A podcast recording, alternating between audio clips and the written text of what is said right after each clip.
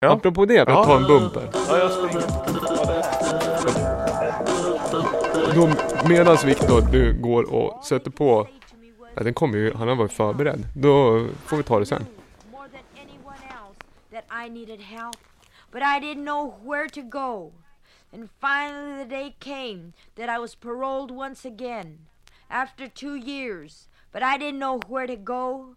Who would accept me? Los Angeles County wouldn't accept me. Orange County wouldn't accept me. I couldn't go to my parents' home, and I couldn't go to the women's halfway house there. In the prison, my second stay there was a lot different than the first time. They didn't handle me with kid gloves anymore. My arm didn't need treatment anymore. I didn't have the drugs that I had had in the beginning. I was on my own and I had to be without drugs so that I had to face life for what it was. I couldn't face it. All I knew was I wanted out of that prison. And there was a hunger inside. There was a drive inside. I wanted to know just what life was really all about. I had never really found it prior to this time, and now I really didn't know where I was or where to find life. Ja, det där var eh, ett litet eh, utsnitt ur en eh, nästan 50 minuter lång berättelse om en eh, människas liv. Den heter The In Depth.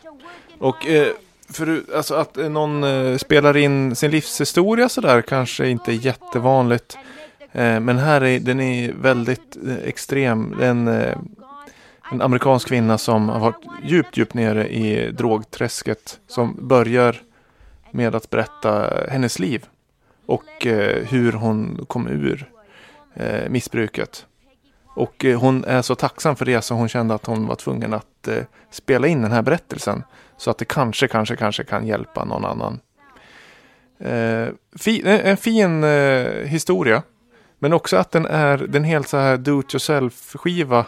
Det är, eh, den, den är ganska svår att få tag på. Den finns inte listad på Discogs. Jag köpte den för eh, ganska mycket pengar. Eh, en eh, butik som tänkte att det här är något som du behöver.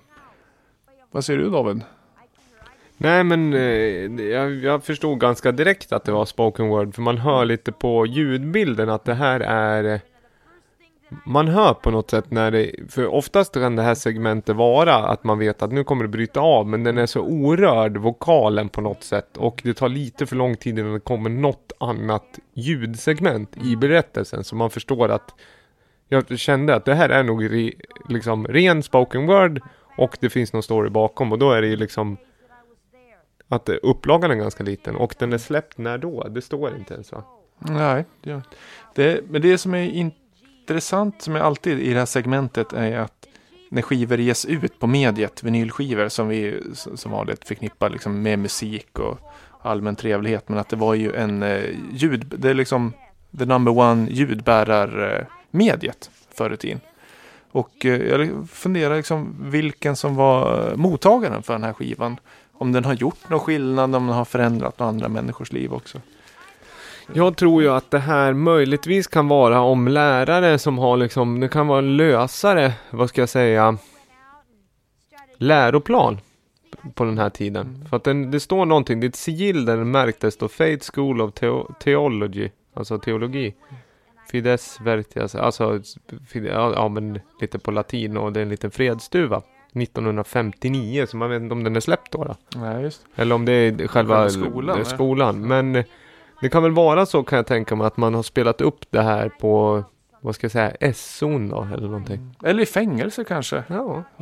Men den är märklig skiva för jag, jag brukar oftast tänka att det här ska jag sampla och det här ska jag använda. Men här, det är någon slags eh, genuin känsla och äkthet som ligger bakom. Så jag, liksom har inte, jag, har inte, jag vill inte göra något liksom, lattjo art utav det här. Den är, eh, den är så stark i sig. Och eh, att spela lite så här i podden gör ju inte hela historien eh, helt rätta. Och du kan inte lyssna någon annanstans.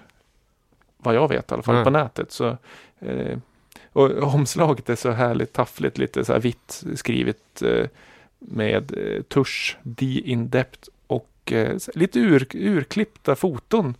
Lite sporadiskt utbaserade på en vit bakgrund. Ja, som en sån här uh, col, vad ska jag säga, college yearbook collage fast den är lite för, de har undan sig lite för mycket luft. Lite, Och det är inte så mycket glatt så man har verkligen bara klippt ut lite eh, ansikten på den här personen. det är som- pre-scrapbook liksom. Ja.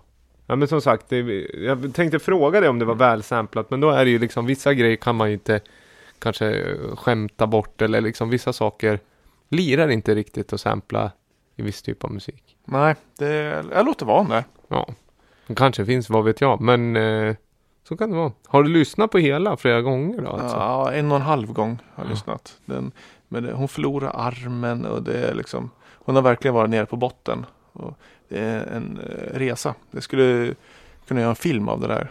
Flera Ja. gånger om.